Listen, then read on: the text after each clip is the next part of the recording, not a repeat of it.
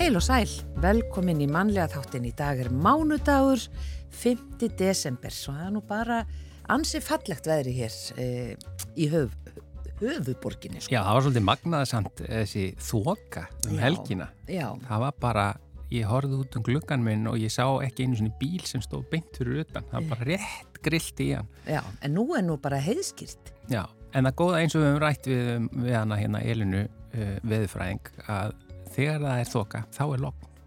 Ég, þannig að mér, ég kann alltaf svolítið vel við þok. Já, Uh, en uh, ef við förum aftur til ársins 1796, 5. desember, í Hólavalla skóla var frumsýnt leikritið Slaður og trúgirni eftir Sigurd Pétursson. Og síðar fekk, þetta nafn, uh, fekk leikritið nafnið Rólfur. Þetta er bara eitt held ég allra fyrsta leikrit íslenska sem var sínt á sviði. Slaður og trúgirni finnst mér nú hljóma svona meira svona söluvænlegra heldur en rólfur. Ég held að það hef ekki verið pæling þá að svona markarsetningin á því. En slaður og trúgirni ljómar pínu líka samt eins og farsi sko. Já, þetta hljómar bara vel, þetta er örugglega- hefur verið skemmtilegt. Nú mjólkurbú Flóamanna var stopnað 1929 Livjafræðingafélag Íslands var stopnað á þessum degi árið 1932. 1968 fannst jarðskjálti af stærðinni 6 stig í Reykjavík og var hans á snarpasti frá árinu 1929. Uh, og á þessum degi árið 2003 var fyrsta breytingin á íslensku gerð á íslensku Wikipedia síðunni, alfræði orðabókinni á netinu. Og stjörnufræðingar uppgötuðu plánetuna Kepler 22b sem líkist jörðinni að ymsuleiti og þetta uppgötuðu þeir árið 2011. Já og svo 2013 var haldið málþingi landsbókasafni Íslands í tilefni af tíu ára ammali íslensku Wikipedia síðunar. Yfir í efni þáttanins í dag. Já, ef þið hafi velt fyrir ykkur spurningum eins og hvernig get ég auki tekjurnar mínar og borga niður skuldir og geti það yfir höfuð og spurningu eins og hafa peningar áhrif á sambönd, uppeldi og hegðun. Nú þá skulið þið leggja veirun því hinga kemur Georg Lúðvíksson sem er sérfræðingur í heimilisfjármálum og persónulegum fjármálum og stopnandi menika. Við ætlum að ræða hans bara um heimilisfjármál og viðhorf til peninga og annað. Já, og við fáum vinkil frá Guðinni Helga Ólarsinni í dag eh, eins og á mánundöfum undanfarið. Eh, hann kallar pislana sína vinkla og í dag ætlar hann að bera vinkilin að geit nokkuru í Garðabænum og reyndar jólaljósum. Já, Og lesandi vikunar í þetta sinn er Vala Jónsdóttir sérfræðingur hjá mannréttinda og líðræðis skrifstofu Reykjavíkuborgar í jafnbrettismálum. Hún, við fáum að vita hvað hún hefur verið að lesa og hvaða bækur og höfundar hafa haft mest áhrif á hann í gegnum tíðina. En við byrjum á tónlistinni lag eftir Gunnar Þórðarsson, þetta er jólalag og Ómar Ragnarsson gerði textan, eða samti textan og Ragnar Bjarnason syngur.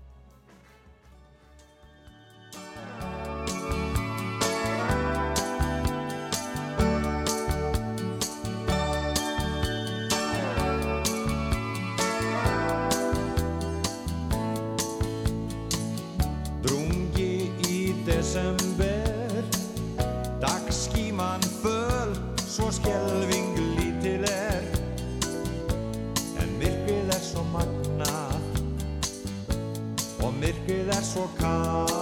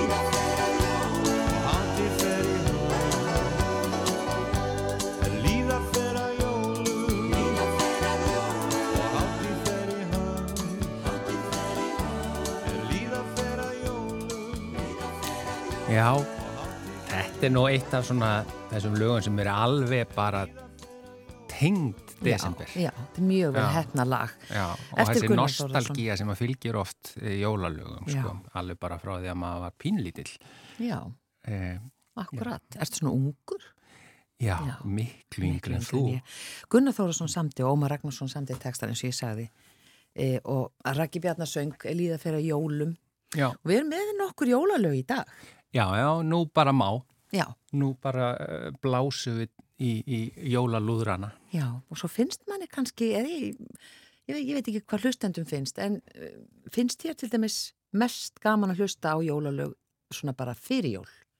Og svo kannski ekki svo Eh, mikið milli jól og nýjárs, Ég, ég er pínu hérna full með þetta. Ég, ég vil ekki of mikið af þeim. Svo kem ég detti í eitthvað stuð svona alveg undir jólinn. Það sem að ég, að því mér finnst eiginlega, yfirleitt finnst mér vera of mikið af þeim. Já, Það er eiginlega það, sko. en þetta er svo stuttur tími. Ég veit það, eh, samt svo langur líka. Já, já. Já, ef það, ef það er of mikið af þeim. Já, en við ætlum að e, velta fyrir okkur eh, peningum, hugsaður, við erum að tala um jólinn Já. og svo ætlum við að fara strax að tala um peninga. Hann tengt. Já, já, auðvitað er það tengt og við vorum að eh, spyrja spurninga hér í upphafi eins og hvernig get ég auki tekjurna mínar og borganuð skuldir og já, get ég það yfir höfuð og fleiri spurningar en við ætlum að leggja þær fyrir hann Georg Lúðvíksson sem er sestur hérna hjá okkur. Hann er sérfræðingur í heimilis fjármálum og persónulegum fjármálum. Og uh, Velkomin. Þú, velkomin Takk til okkar hérlega. og þú ert líka stopnandi meninga, svo Já, því sem passar. haldið til haga og þú vilt meina að við ræðum alls ekki nógu mikið um peninga. Það er bara fjármál okkar yfir höfuð. Já, nákvæmlega. Ég held að við séum frekar stutt komin sem samfélag í því. Peningar er eitthvað sem allir þurfa að díla við, eh, hvort sem þeir eru ríkir eða fátækir eða hvort sem þeir flókið eða einfalt. Þannig að þetta skiptir sköpum hvernig maður hæða sér í fjármálum varandi lífsgæði sín, svona helt á litið. Og svona personlega finnst mér það oft sorglegt hvað svona Uh, já, betri hægðun gæti auki lífsgæði margra og Ertu að meina, er ekki rétt að stinga bara höðun í sandin og láta eins og allt sé... Nei, þetta er svona ein, eins og með, með annað og, og ég held að við séum lengra komin tala um geðhelbreyðismál, við tölum meir um kynlífi börnin okkar heldur en, heldur en heimilisfjármál sem er mjög sérstakt því að þetta skiptir svo miklu máli og það getur enginn í rauninni sloppið frá þessu, það þurfa allir að, að sinna þessu á einn eða annan, annan hátt. Já, en vita þá fullornir bara ekki nógu mikið sjálfur um peningamál til þess að geta já, hjálpa börnunum sínum eða leiðbeint þeim? Já, já og nei, ég held að sé svona langar hefðir í, í samfélaginu og peningar hafa, peningamál oft verið svona hálfgert tabú í, í samfélaginu og lítið tala um það, ég held að ég var lítið rætt um mig um peninga í mínu uppeldi og, og hérna ég held að margi tengi við það. Við vorum Og- að ræða þetta líka, þetta sko, þetta er einhvers konar svona tilfinningamál og jafnvel bara að það tengist í einhvers konar e, kvíði eða, eða eitthvað annað í, í allan mörg, mörgum fjölskyldum þannig að það getur verið mögulega ein af ástafanum. Já, engin spurning og bara rannsóknir sína líka að fjárrags áhyggjur er bara einn stærsta böl uh, samtímans. Fullt af fólki er með fjárrags áhyggjur og það er oft falið og, hérna, og oft kannski má segja það óþörfu að því að kannski fólk með ágættist tekjur eða sem svona hefði ekki þurft að vera lendi vandraðum en svo gerist alltaf eitthvað, það kemur eitthvað upp á í lífinu eða það kemur verðbólga eða kreppa, við lifum í sveiflukendu haugkerfi og þá ef maður á ekki borð fyrir báru þá bara skiptir það miklu máli og, og fullt af fólki er með áhyggjur ef það getur ekki bröðist við áföllum eða eitthvað. Og eðlilega og þessar áhyggjur auðvitað síðan kannski skila sér á ímsan hátt til, til batna sem kannski skil ekki hvaðan þær koma en, en fullt af fólki er með fjárhásáhyggjur og margir bera þær í hljóði. Það er líka talað um að fjárhásáhyggjur sé stærsta orsök fjárvista frá vinnu eh, svona, og stress því, því tengt og líka stærsta orsök sambandsvandamála. Því fólk er líka mjög ólíkt svona samband við peninga og þetta er mjög tilfinningalegt fyrir marga og, og til dæmis ef makar er ekki á sömu blaðsíu eða eru með öðruvísi sín á peninga þá er það bara, getur verið stór mál. Já, Já. auðvitað, að því fólk þarf að vera samstíga í þessu, hvort sem það, já, er að spara eða eyða. Já, en eins og er, er þetta uh, svona, það eru allra færi, þetta er ekkit flókin starfræðin í heimilisfjármálum og þetta er svona einfalt í grunninn en, en auðvitað og það sem kannski ég verið að reyna að gera og hef haft brennandi áhuga á og stofnaði nú menningar hluta til í þeim tilgangi og núna svona er ég að vinna öðrum verkefnum og svo heimilisfjármál er að reyna að hvetja fyrst og fremst bara til meiri umræðu því þetta byrjar allt þar. Ef að þetta, þetta á ekki að feimnismál og, og maður á að byrja með börnunum sínum og, og kenna þeim og góða fjármálahegðun og, og ræða þessi mál. Og það er líka þeir sem að tala um peninga þeir eru lík, miklu líklegri til að lenda ekki fjárásvandraðum og svona og bara eins og með allt annað ef þú ræðir hlutina þá, þá minga áhyggjurnar þá deilir þær með, með öðrum. Já, akkurat Og, og síðast kannski við erum líka orðin svo ríkt samfélag þó að kannski mann finnir það síður núna þegar kemur smá niðursveifla eða verðbólgu skot. Við erum þrátt fyrir allt bara aldrei verið ríkari og margfald ríkari en kynslu fóröldra okkar eða, eða öm og afa.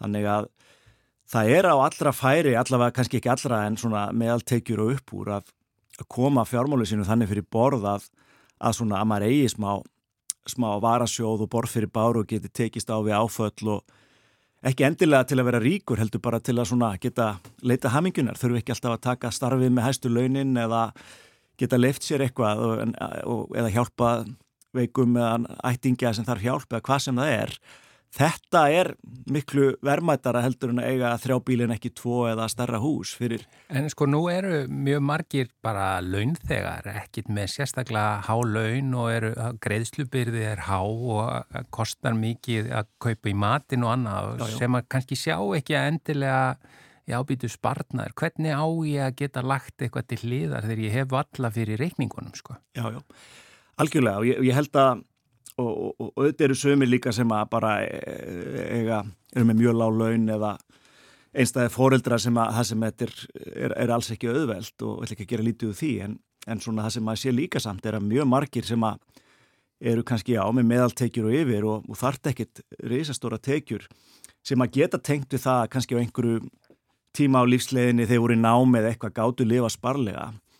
Og triksi hérna er að byrja að snemma og reyna einhvern veginn að fresta því að spenna bógan um nokkur ár. Ef þú tekst það og ég þú að gera það ekki snemma eða sama hvernig þú gerir það og getur byggt upp smá spartnað eða byrjað borginni lánin þá smá saman verður þetta auðveldra og auðveldra fyrstu skrefin eru erfiðust. Mm. ef þú upplifir að þú bara er alls ekki fyrir útgjöldunum þá er mjög örfitt að bara, bara tíuskall í mánuði eða hvað þá meira.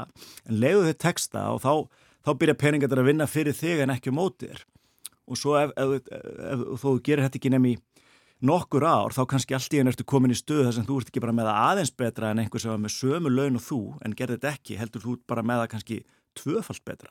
Mm. að því að margir líka tengja við að vera bara hálgeri sjálfstýringu. Þú ferði í nám, þú ferði að vinna og þú bara kaupir þitt húsnæði eða e, eignast börn og bara eftir vanu því að eigða launatekkanum um hver mánamót og ef hann hækkar sem oft gerist með, með auknum starfsaldri þá bara kaupur í nýjan bíl eða stekka við í húsi og ert ekki að hugsa um þetta.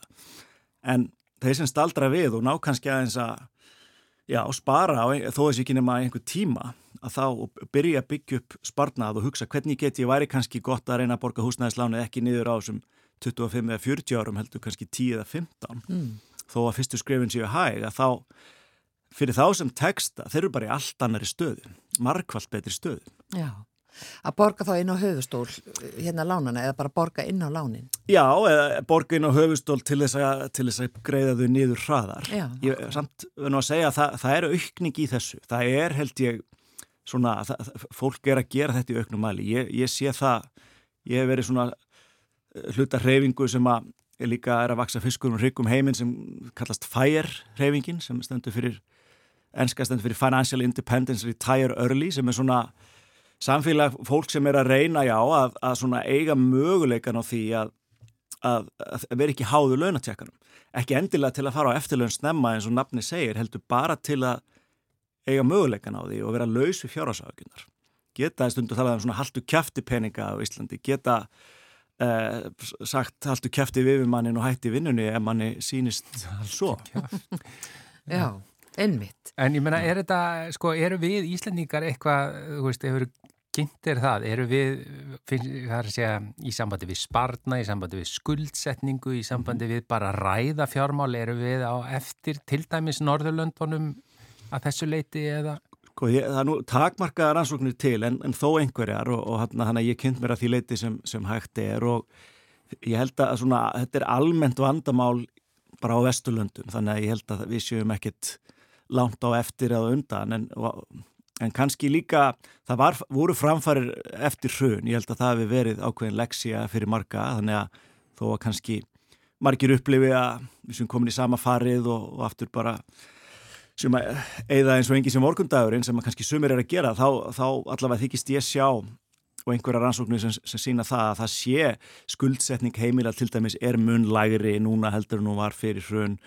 Og þannig að, þannig að ástandi er skára en, en samt meðaltöl geta verið mjög blekkjandi. Það er samt fullt af fólki sem að er með bógan spentan mjög hátt og er, er með fjárasáhyggjur og ber harmsinn í hljóði og hefur og svona með alls konar neikvæðum afleðingum en ég held að það sé ekki eins, ég held við sjöum svona hægfara á réttir braut. En, en hvað var þar umræðuna þá held ég að við sjöum stutt komin. Já, við þurfum að ræða þetta Við þurfum ekki að kenna þetta í skólum og sem að er samt svona leikilatrið í lífsleikni er að svona vera með grunn fjármálalæsi Já. Það er nú bara hjálp, vera að hjálpa batni úlingi starffræði, bara þetta að taka lán, að sjá um skattamál og kaupa íbúð og allt. Eh, þú Veist, þetta eru hlutir sem maður ætti að kenna. Þetta er eitthvað sem allir þurfa að gangi í gegnum. Já og, rannsóknir sína krakkar sem að fá svona leksju til þeim sem kent að spara þeir eru tíu sunnum ólíkleri til að lendi í fjárasvandröðum setna á æfinni og þannig er alls konar skemmtilegar uppeldisaffæri. Það er eins og ég til dæmis lefði einu sunni í úlingnum mínum að bara leta hann fá 50 krónur og nú áttu bara að sjá matarinköp fyrir heimilið þessa vikuna og, hérna, og stort heimili og ef það er afgangur þá máttu kaupa eitthvað góðan skyndibita eða eitthvað sem þið langar í, í, í lokin.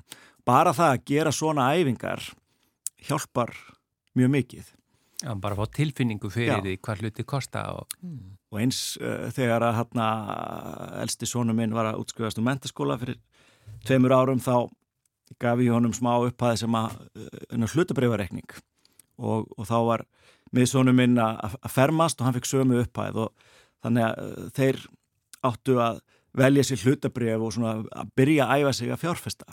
Og hugmyndin var þá ekki endilega að þeir myndu markvalda peningin þert á móti kannski að myndu eitthvað brenna sig og, og myndu tapunum en, en að kenna það snemma að það sé skynsanlegt að spara og, og fjárfesta. Og það sé stundum kannski ekki bara best að setja allt inn á sparnaðarekning þó þetta heldur stundum gera eitthvað annað eins og að kaupa hlutabrif eða eitthvað sem að kannski lengri tíma fjárfesting með meiri áhættu en líka möguleika á meiri meiri arði, já, og meiri hagnaði og láta peningana vinna fyrir sig eins og þú segir. E, bara rétt í lokin þú talar um e, í þínum fræðum að sé svo mikilvægt að halda heimilisbókald, það eru ekki margir sem gera það. Og þú vilt að það sé mjög nákvæmt. Já, svona, ég kannski veit það ekki alveg, það, það er mjög mikilvægt að halda heimilisbókald en þetta er svipað eins og fyrir þá sem er að reyna að leta sig eða verið í rektinni, það er mjög gott að halda matardagbók í ákveðin tíma saman með heimilisbókald, ef þú gerir það í einn mánuð eða þrjá mánuði þá færðu mjög góða tilfinningu fyrir hvert peningarnir er að fara. En það er kannski ekki að gera það alltaf.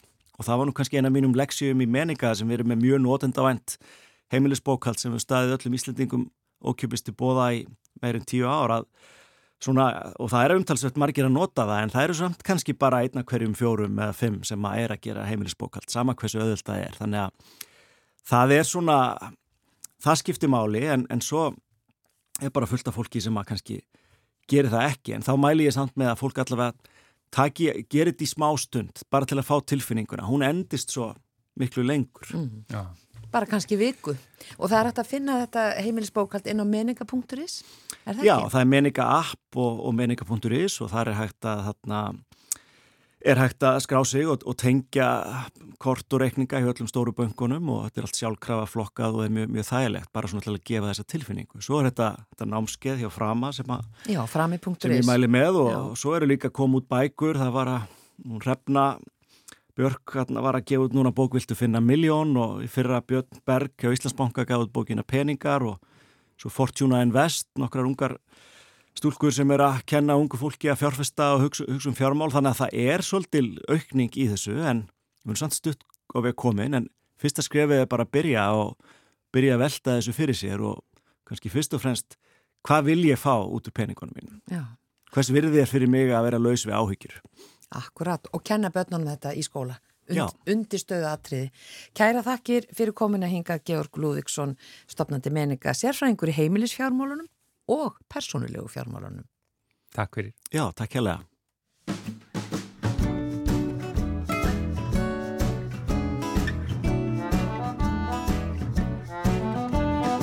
Ertu að yrkja marta, eru sár í þínu hjarta Ertu kannski bara kvarta yfir kaup og kjörum matta Í aumri sál er engin máttur, andin tómur yfir dráttur Tilfinninga taugin slitin, tilgangslausöld skilningsvitin.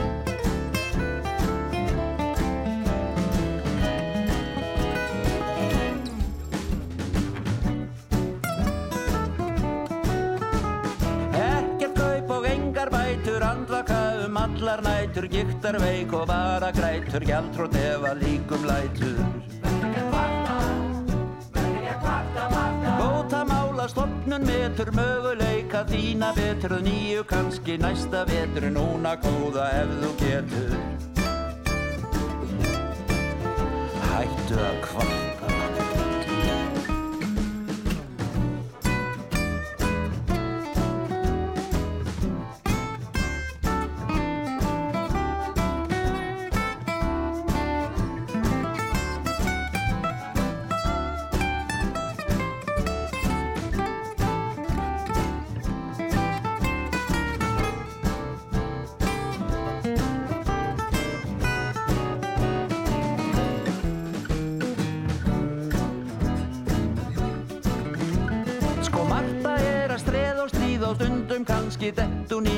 hellu sínu ráða hjarta ég held hún þurfi ekki að kvarta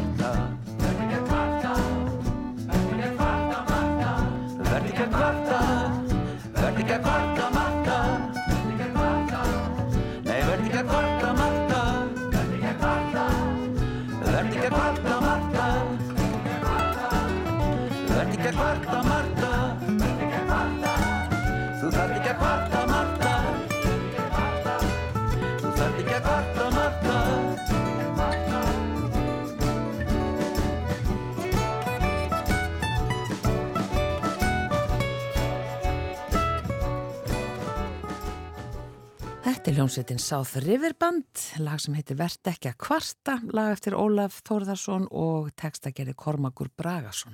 Já, þá er komin, komið að vingli frá Guðjóni Helga Ólasinni. Í dag ætlar hann að bera vingilin að geit nokkur í Garðabænum. Ágætu hlustendur, nú styttist til jóla. Hátíð, ljós og friðar, segja sumir. Á meðan aðrir vilja meina að þau séu ómenningarhátíð og miklu frekar uppskeru hátíð mammons. Best væri að stróka þau út af öllum dagatölum hér fyrsta, en það valdi þau meiri óhamingju en gleði. Flestir eru nú ekki að velta sér upp úr svoleiðis heimsbyggilegri dramatík og eru bara með í þessu eins og hinir. Fylgja megin strömmnum og gömlum fjölskylduhefðum gera sér bara ekkert um að breyta til. Ágætt tilbreyting í vetrarmyrkrinu að tendra svo litið af jólaljósum og bara skemmtilegt að fá svo litla bökunarlikt í húsið. Henni má svo skipta út á þorlagsmessum því að sjóða nokkur börð af kæstri skötu og finnist mönnum ekki nóg að gert í þeirri kakófóníu lyktar og bræðlauka er upplagt að sjóða hangikjöt á eftir og kannski malla svo litið af rauðkáli í etiki eftir forskrift æfa gamalla fjölskylduhefða. Hefðir eru nú sennilega bindi efnið í þessu jólafarsi öllu saman. Ég er ansir hættur um að margir tækju því ekki vel að þurfa að finna upp nýjar jólahefðir á hverju ári. Við viljum flest hafa stöðuleika vísitöluna frekar háa í desember og að sumir síni uppreisnar anda sinn í verki þá eins og í annan tíma. Sjálfur er ég alls ekki til fyrirmyndar fyrir jólin, best að játa það bara. Ég verði alveg út hverfur af byrringi þegar fyrsta jólatengda auglýsingin heyrist í útvarpinu á haustin. Mér finnst æfinlega eins og IKEA verslanakæðjan sem ég hef nú haldið tölverið trygg við og keiftar margan kústinn og kastaróluna hafi þjóðstartað í jólaauglýsingakeppni fyrirtækja hvert ár minnar fullorðins æfi. Og ég er ekki svo eini sem læti þetta fara í tögunar á mér.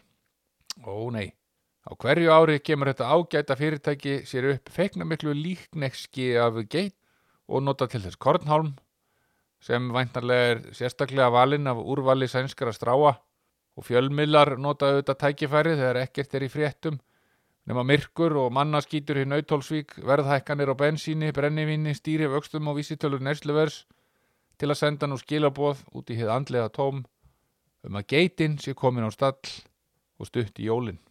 Og þá brestur einhverjum samborgara minna andlegur kjarkur.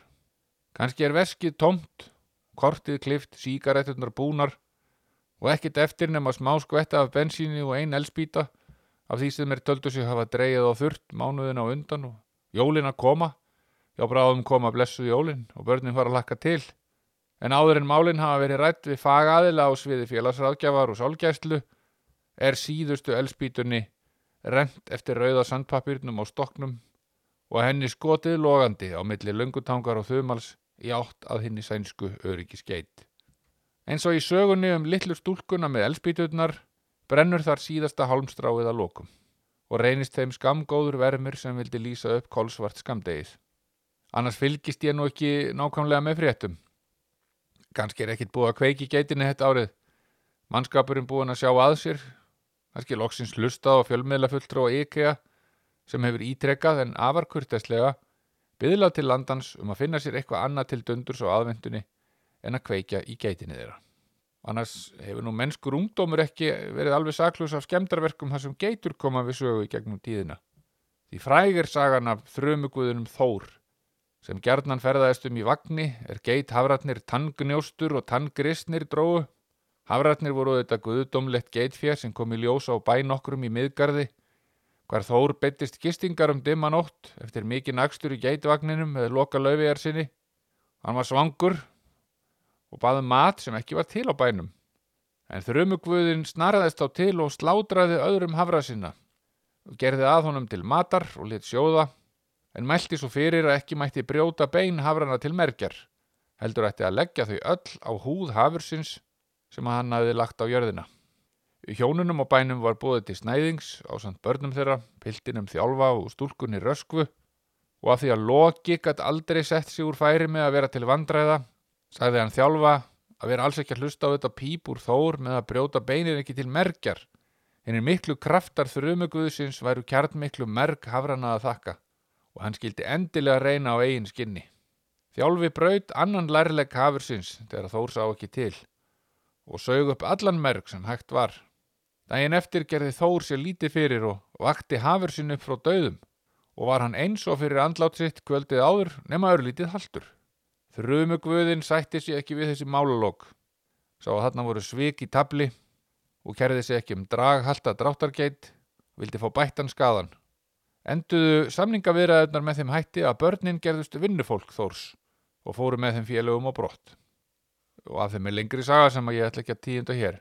En ég hins vegar veit ekki hvernig brennuvargar hafa þurft að bæta hinnar brendu hálmgeitur íkæða samsteipunar í gegnum árin en rekna síður með að þeir hafi verið neftir í þrældóm. Og vel geti verið að þeir séu læstir niður í einhverjum kjallara. Með lítilega útlitsgölluðum húsgögnum og kjöttbólum komnum fram yfir síðasta söludag. Sér þar gert að sópa döðum flugum úr gluggakistum og sinna fleiri verkum. Það er ekki ómögulegt. Ég byrst afsökunar á að hafa lent örlítið utanvegar í jólaössinni og farið að tala um heiðnar geitur og húsmendur þeirra. En ef við rínum í hefðir og siði jólana kemur í ljósa upprunnin er nú ekki alltaf í biblíunni. Sumt er ekkit endilega satt, en ákvæmlega skemmtilegt. Eins og sagan sem ég heyrði um daginn um sjö arma ljósastjakana sem hafa nú helst tengingu við geðingdóm ef einhver trúabröð, en eru vinsalir hér á landi. Sagan segir nefnilega að til hafi verið ókjör af 32 volta ljósaperum sem notaðar voru í hergagna yðnaði í Svíþjóð, en uh, voru orðnar úreldar. Einhver hugvitsmanneskjan átti svo að hafa reknað af út að best væri að búa til einhvers konar jólaljós úr þeim og fundið út að ef sjö slíkar perur væri raðtengdar mætti nota venjulegt 220 volta rafkerfi til að kveikja á perunum.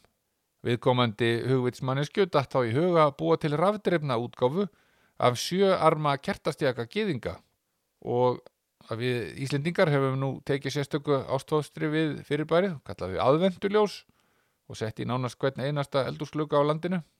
Og ég ídrekka það að sannleikskildi sögunar er kannski ekkert. En það það nú kannski ekki vera frágangsög á þessum árstíma svona með við aðrar sögur sem þá ganga. Þó byrði ég hlustendur þess að vera ekki að gera tilraunum með ramagstæki út í loftið. Það er öruglega hættulegt. Sjálfur er ég nú ekki upptekinn af jólunum sem slíkum, á leiðast nú þessar síendur teknu auglýsingar um jóla þetta og jóla hitt sem allir hinnir verða endilega eignast. Jólalögin sem leikin er á flestum útvarstöðum á aðvendunni eru líka flest hætt að gleiða mig svona um það byrja í fyrstu viku desember og orðin algjörlega óþólandi þegar jólinn loks ganga í garð. Þetta þykir nú ekki skemmtilegt hjá mér að hafa allt á hotnum yfir blessuðum jólunum og hvort að ég get ekki bara verið ánaður með þetta eins og eðlilegt fólk í stað þess að vera að krifja þetta og gandraga alltaf. Ég reynir nú að malda eins í móin eins og Loki Lauvejarsson og segist vera komin með upp í koka þessu jólakæftaði öllu saman og mín vegna megi leggja jólin niður eins og hjá Castro heitnum á Kúbu árið 1969 og maður móast þetta anstreymi sem aðvendunni. Nöldrar kannski svo litið einni við sjónvarpinu og einstaka sinnum fyrir framann annað fólk en meinar ekkit með því. Ég er svo stálheppin að eiga doktor í mentaskólanum á laugarvætni. Já, heppin segja því að nánast allir nemyndur þar eru meðlimir í kór skólans og þá þarf maður að skreppa á tónleika hjá þeim öðru hverju sem er alveg frábær skemmtun. Það er alveg merkjað að fylgjast með þessu unga fólki á tónleikum. Vaksa og eblast við hverja æfingu og tónleikarnir verða alltaf betri og betri eftir því sem líður á skólaárið. Eirún Jónasdóttir kórstjóri hefur alveg einstakt lag á krökkunum. Það hef ég margóft séð undanfærin ár þegar mínir unglingar hafa verið meðlimir í kór skólans. Nú hafa æfingar og tónleikahald ekki verið sjálfsæðir viðburðir á meðan COVID geisaði, en þau leggja bara harðar af sér og, og árangurinn er eftir því. Ég er nýbúin að sitja í fullri skálhaldskirkju á jólatónleikum kórs mentaskólans og lögavætni. Mætti þangað eins og dröllir sem stál jólunum, búin að tapa allri trú á mannkininu og farin að skoða ferðarskrift á auðlýsingarnar. Kanski væri bara best að fara til spánar um jólin, gefa skíti í stýrivextina og senda jólakort með mynd af tánum á mér. En engin maður er svo mikill grútur að komast ekki við á jólatónleikum ML-korsins. Ekki einu sinn ég. Tónarnir taka sér bólfestu í manni, hljóðbylgjur reyfa hverja traug og hverstagsraunirnar renna niður á gólf og leka burt. Skoppa dansandi niður steintröppurnar, sapnast saman í brúar á og sullast á brott. Maður gengur svo í kvöldsvalanum niður á bílastæðið, starir andaktugur á norðurljósin í smástund, íhugar stöðu sína í alheiminum, stígur upp í bílinn og dólar sér heim á leið í nýju og góðu skapi. Jólaskapi. Góðar stundir. Greeting cards have all been sent. The Christmas rushes through. But I still have one wish to make. A special one for you. Merry Christmas, darling. We're apart, that's true. But I can dream, and in my dreams, I'm Christmasing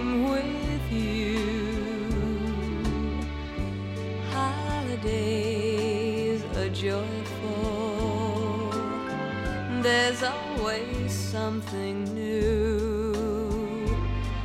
But every day's a holiday when I'm near to you. The lights on my tree, I wish you could see. I wish it every day.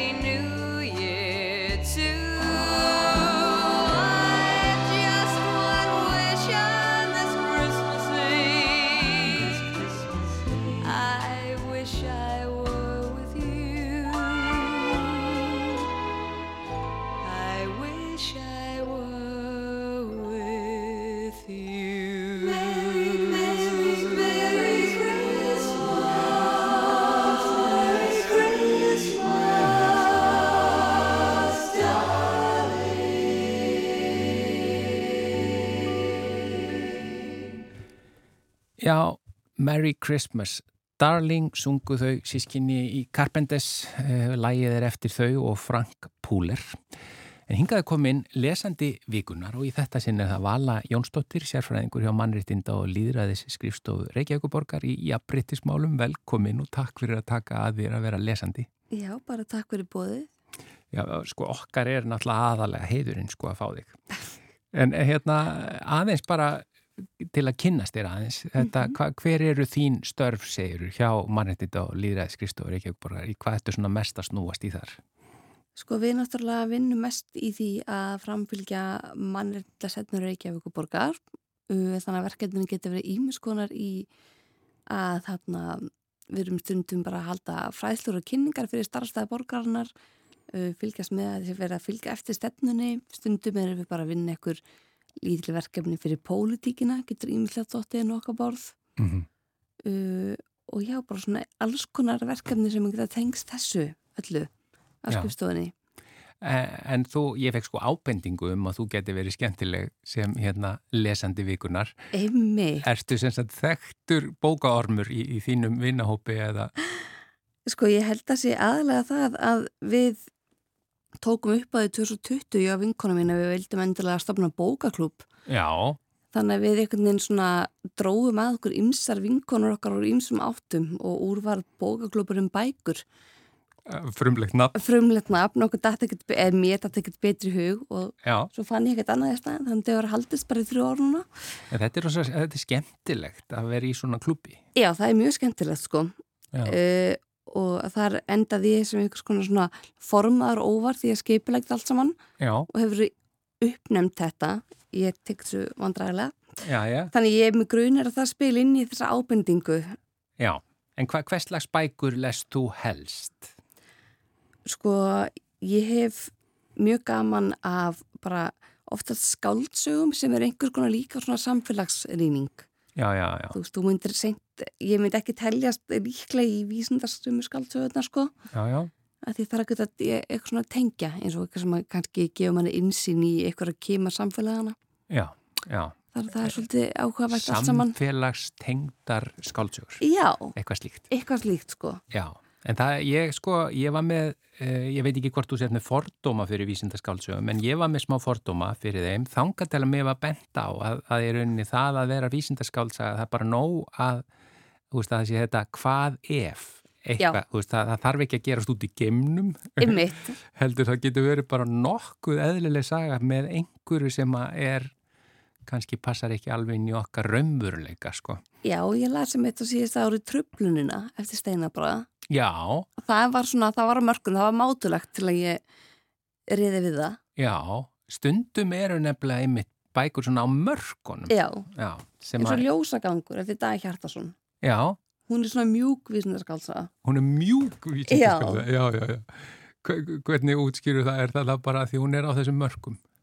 Já, þú veist, eins og þetta snýst um þennan niðaldana sem að heyrist inn í borginni og einhvern veginn svona það fyrir að stýra samfélaginu að þú heyrir eitthvað svona hljóðmishátt Já, út af einhverjum hátæknilegum, vísindarlegum afleðingum af einhvers- konar öldunniði sem berst um alla borgina já, já, já, já. og fyrir að stýra samfélaginu og veldur alls konar breytingum.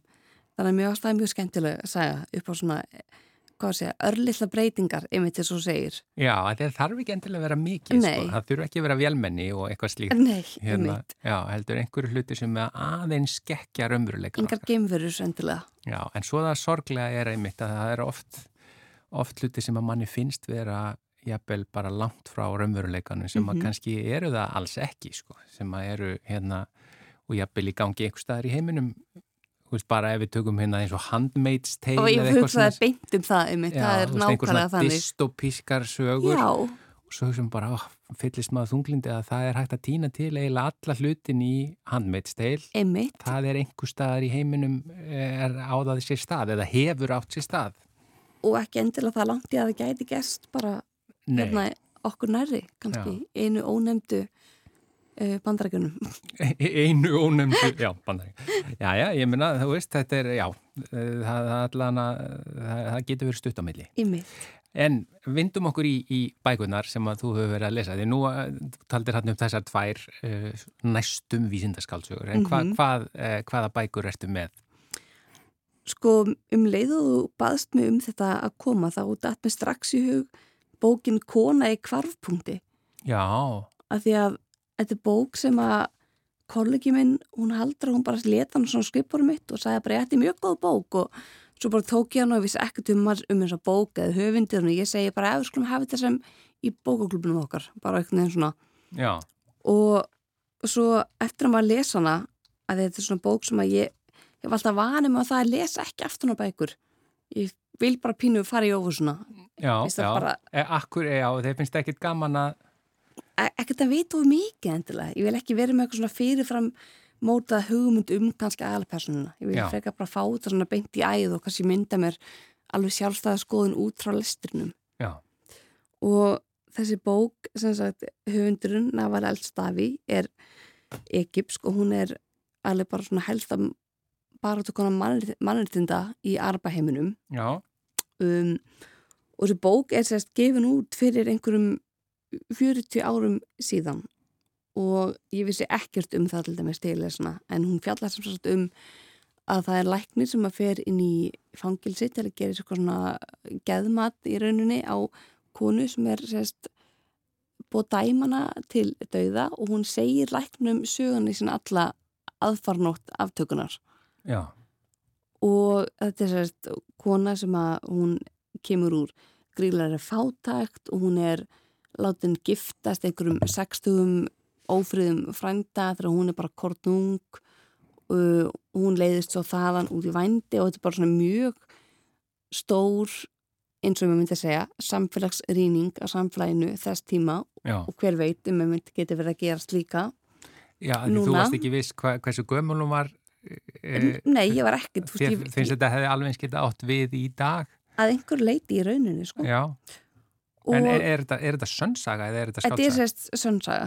Er- Hún byggir þetta á sögu einhverjar konu. Veit ég hvort sé 100% allt úr sannsögulegt en Já, þetta byggir já. allavega á einhverju æfi Já, og þetta er bara gríðarlega góð og áhrifamikil bók og og, og, og þýtt náttúrulega þá á íslensku, ég sjá hver, hver þýðir hana? angústúra gefur hann Já. Elisa Björg Þorsteinsdóttir.